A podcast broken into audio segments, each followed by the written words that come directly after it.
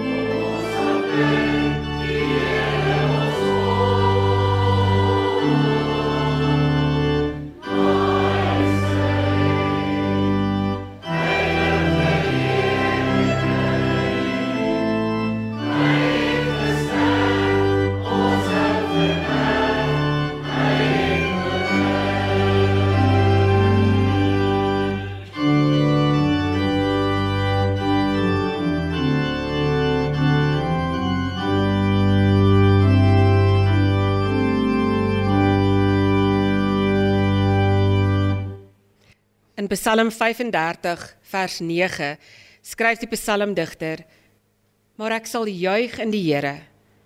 Ek sal jubel oor die redding wat hy bring. Die Here sal jou seën en jou behoed. Die Here sal sy aangesig oor jou laat skyn en jou genadig wees. Die Here sal sy aangesig oor jou verhef en aan jou sy vrede gee. Amen. Ons skriflesing vanoggend is uit die Nuwe Testament. Maar voordat ons na die woord van God luister, kom ons raak rustig en dan bid ons saam. Direk na ons gebed, dan wy ons ons lewe aan die Here. Here ons almagtige God, Vader, Seun en Heilige Gees. Dankie Here vir die voorreg wat ons het om vanoggend weer hier teenwoordig te mag wees hier te mag stil raak, Here. Dankie Here dat ons as gelowiges ongeag waar ons onsself bevind, U kan loof en prys. Ons bid Here en ons vra dat U asseblief saam met elke persoon sal gaan want vandag eensaam of moedeloos voel. Ons vergeet soveel keer dat mense ons gaan teleurstel of verlaat. Maar Here, U bly getrou. Ons vra dat U ook saam met elke persoon moet wees wat siek is, wat se liggaam net nie meer wil saamwerk nie. Dat U saam met elke persoon sal wees wat bekommerd is oor wat ook al, Heer. Want U ken ons selfs beter as wat ons onsself ken. U weet wat ons dink. U weet waar ons wakker lê. U weet wanneer ons nie goed genoeg voel nie. En u weet ook waarvoor is ons dankbaar. Ons vra dat u vanoggend ons harte sal rustig maak. En waar ons nou na u woord gaan luister, Here, dat ons sal konsentreer op die boodskap. En net vir 'n oomblik sal vergeet van alles wat ons gedagtes so besig hou. Ons vra dat u die woord wat ons lees en wat ons hoor verstaanbaar sal maak sodat ons dit werklik in ons harte kan dra, dit kan uitleef. En daarom bid ons Here, neem ons lewe. Laat ons dit aan U wy. Amen.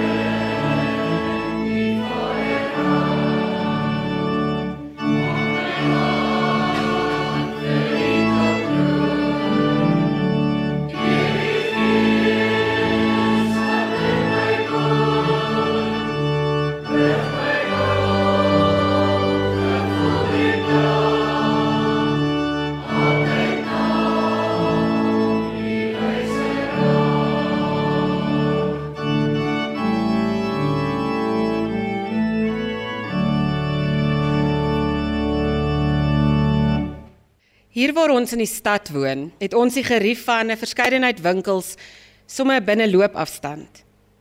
Maar tog het ek hierdie gedagte, hierdie idee gehad. Ek het met 'n idee begin speel dat ek my eie groentetuin wil begin.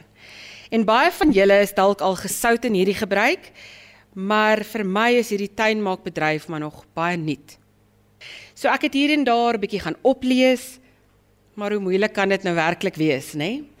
en ek het die grond voorberei, tomaties, komkommer, eie en 'n paar wortels geplant. En toe raak ek besig met ander dinge. So 'n bietjie meer as 'n week later Toe ek by my groentetuin kom, is dit deurtrek met onkruid. Ek het gevra, hoe moeilik kan dit nou wees? Toe raak dit 'n voltydse werk. Want hoe meer bossies ek uittrek, hoe meer groei daar net weer bossies. Nou my eerste groenteoes was nie te sleg nie. Dit maak seker die konstante uitroei en uittrek van bossies die moeite werd. Maar om ons gedagtes en ons lewe rein te hou, om op God gefokus te bly, is nie regtig veel anders nie, geliefdes. Want dit is ook 'n proses waarmee ons daagliks besig moet wees. En terwyl ons dit in gedagte hou, lees ons dan nou vanoggend uit die Nuwe Testament uit, uit Romeine 12. Ons lees daar van vers 1 tot 3. Die gedeelte wat ek vir julle gaan voorhou, het ek uit die vertaling soos wat die boodskap dit skryf gelees. Ek wil nou 'n baie ernstige versoek tot julle rig. Ek doen dit omdat julle begryp hoe baie God vir julle omgee. Gee julle hele lewe aan hom. Julle moet lewende offers in God se hand wees. 'n lewe wat voltyds afgesonder is vir hom is presies dit waaroor godsdiens gaan. Moenie tuis raak in hierdie wêreld met al sy boosheid nie. Nee, laat God julle van binne af nuut maak. Laat hy julle manier van dink verander sodat julle kan weet wat hy van julle verwag. Dan sal julle ook weet wat sy wil is en hoe julle julle lewe elke dag aan hom moet oorgee. Weet julle, God is baie goed vir my. Hy het my as sy apostel aangestel om sy wil bekend te maak. Daarom kan ek vir julle almal sê dat julle nie te veel van julleself moet dink nie. Nee, wees nederig. Onthou dat julle geloof 'n geskenk van God is. Wees dankbaar vir die geloof wat julle wel van hom ontvang het. En hou op om julle met ander te vergelyk. Geliefdes, ons lees vanoggend net tot sover.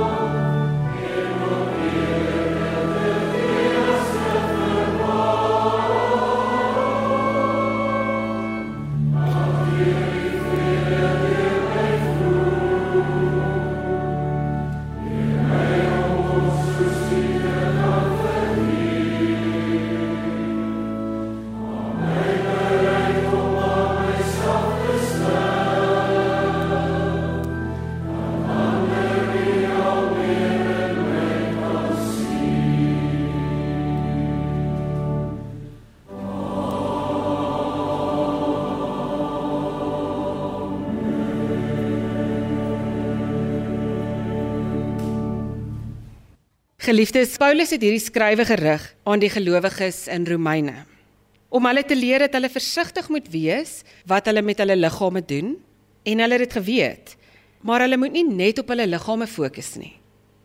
Paulus het hierdie toe geskryf om hulle te herinner dat hulle net so versigtig moet wees wat hulle met hulle gedagtes doen.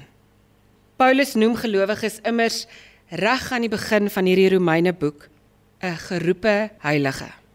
Ons as gelowiges is geroepe heiliges.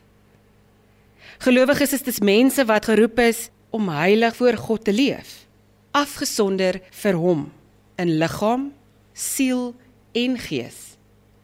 En soos hierdie skrywe al die Christene oproep om hulself te ondersoek, word ons ook vandag deur hierdie skrywe herinner om die metaforiese onkruid uit ons lewe, uit ons gedagtes uit te trek. Die lesers vir wie Paulus die brief skryf, weet presies wat dit beteken om offers te bring. Hulle ken al die gebruike, die beste slagdier uit te kies, dood te maak en dan aan God te offer. En dit is maar hoe hulle in daardie tyd gemaak het. Maar nou gebruik Paulus hierdie selfde beeld om vir die aanvanklike lesers maar ook vir ons vandag te wys dat offers aan God nie opgehou het nie. Net omdat Christus gekom het, moet ons nie ophou om offers te bring nie. Die offers het net so bietjie verander. Dit is nie meer 'n dooie dier wat geoffer word nie, maar 'n lewende mens. Jy, jy wat vandag hier luister, jy wat God se woord bestudeer. Jy wat jouself 'n gelowige noem, God wil hê dat jy jou hele lewe aan hom moet oorgee. Maar wat presies beteken dit om 'n lewende offer te wees? Om jou lewe aan God oor te gee. Wel geliefdes, hoe jy dink, wat jy doen, hoe jy optree, Dit moet alles anders wees as wat die wêreld sê, dink en doen. Want die wêreld is gefokus op selfsug, op alles wat goed is vir jou as mens, maar nie wat goed is vir God nie. Vir die wêreld gaan dit oor wat presies kan ek met my rykdom vermag? Hoe kan ek my eie belange bevorder? Vir die wêreld gaan dit oor maskers dra, oor skynheilig wees en selfsugtig optree. En dit is presies waarom Paulus ons dan aanmoedig om nie gelyk te word met die wêreld nie, maar om in liggaam en gees en gedagtes die Here toe te laat om ons te verander. Ons moet so naby aan God leef dat ons kan onderskei tussen wat die wêreld wil hê en wat vir God goed en aanneemlik is. Geliefdes, dis nie meer genoeg om net die evangelie te ken nie.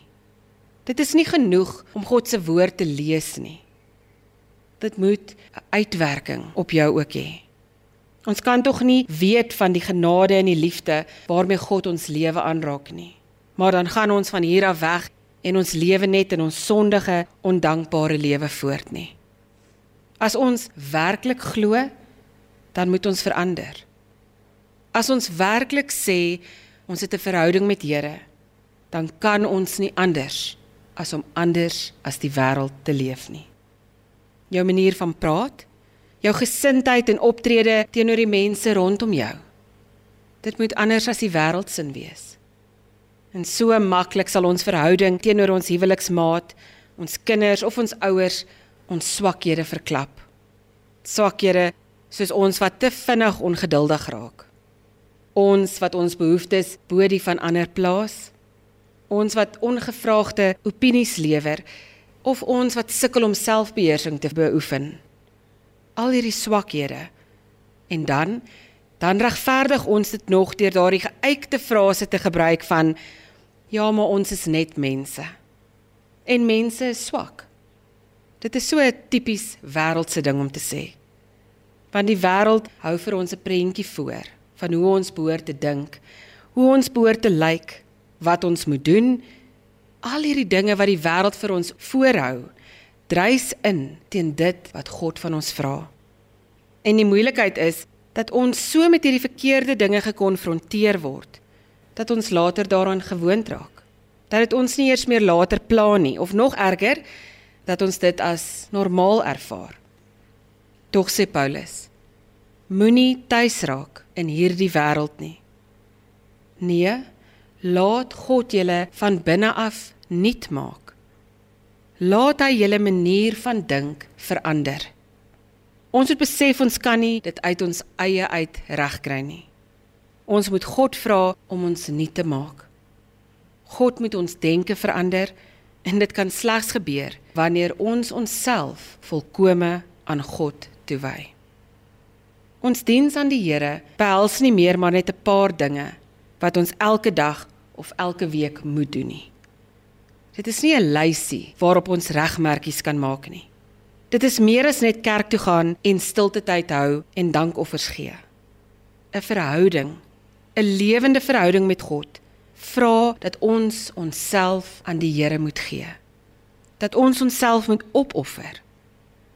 Dit ontsluit ons hele lewe, elke dag. Ons lewe moet 'n dankoffer aan hom wees. En omdat 'n offer iets is wat jy vir God gee. Iets is wat jy afgee waarvan jy jouself losmaak. Beteken dit dat sodra jy jou lewe vir God gee, dan is jou lewe nie meer joune nie, maar God se. Jou lewe, jou gedagtes, jou woorde en jou dade moet dus aan God behoort. Geliefdes, mag jy besef dat om toegewyd aan God te leef beteken dat jy heeltyd metafories gesproke onkruid moet uittrek. Dit is 'n voltydse werk om ontslae te raak van die wêreldse gedagtes, van die negatiewe, selfsugtige gedagtes.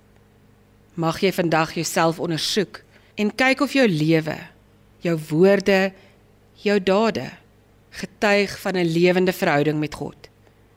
En mag jy dan ook vir God vra om jou nuut te maak, jou denke te verander. Want dan eers kan ons met groot vrymoedigheid ons geloof bely.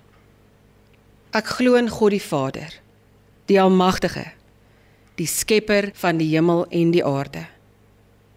En in Jesus Christus, sy enige gebore seun, ons Here, wat ontvang is van die Heilige Gees, gebore is uit die maagd Maria, wat gelei het onder Pontius Pilatus, gekruisig is, gesterf het en begrawe is en ter helle neergedaal het.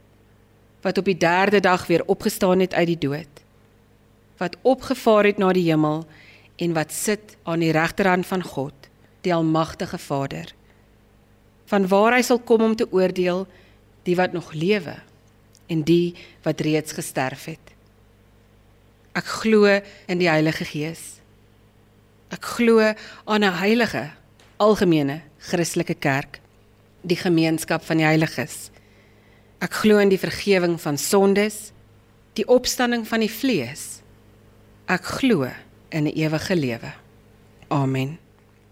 Geliefdes, omdat ons nou ons lewe aan God toegewy het, kan ons Vonk 277 met volle oorgawe sing. Waar ons bely, God is ons Here. Ons is sy bruid en hy die bruidegom.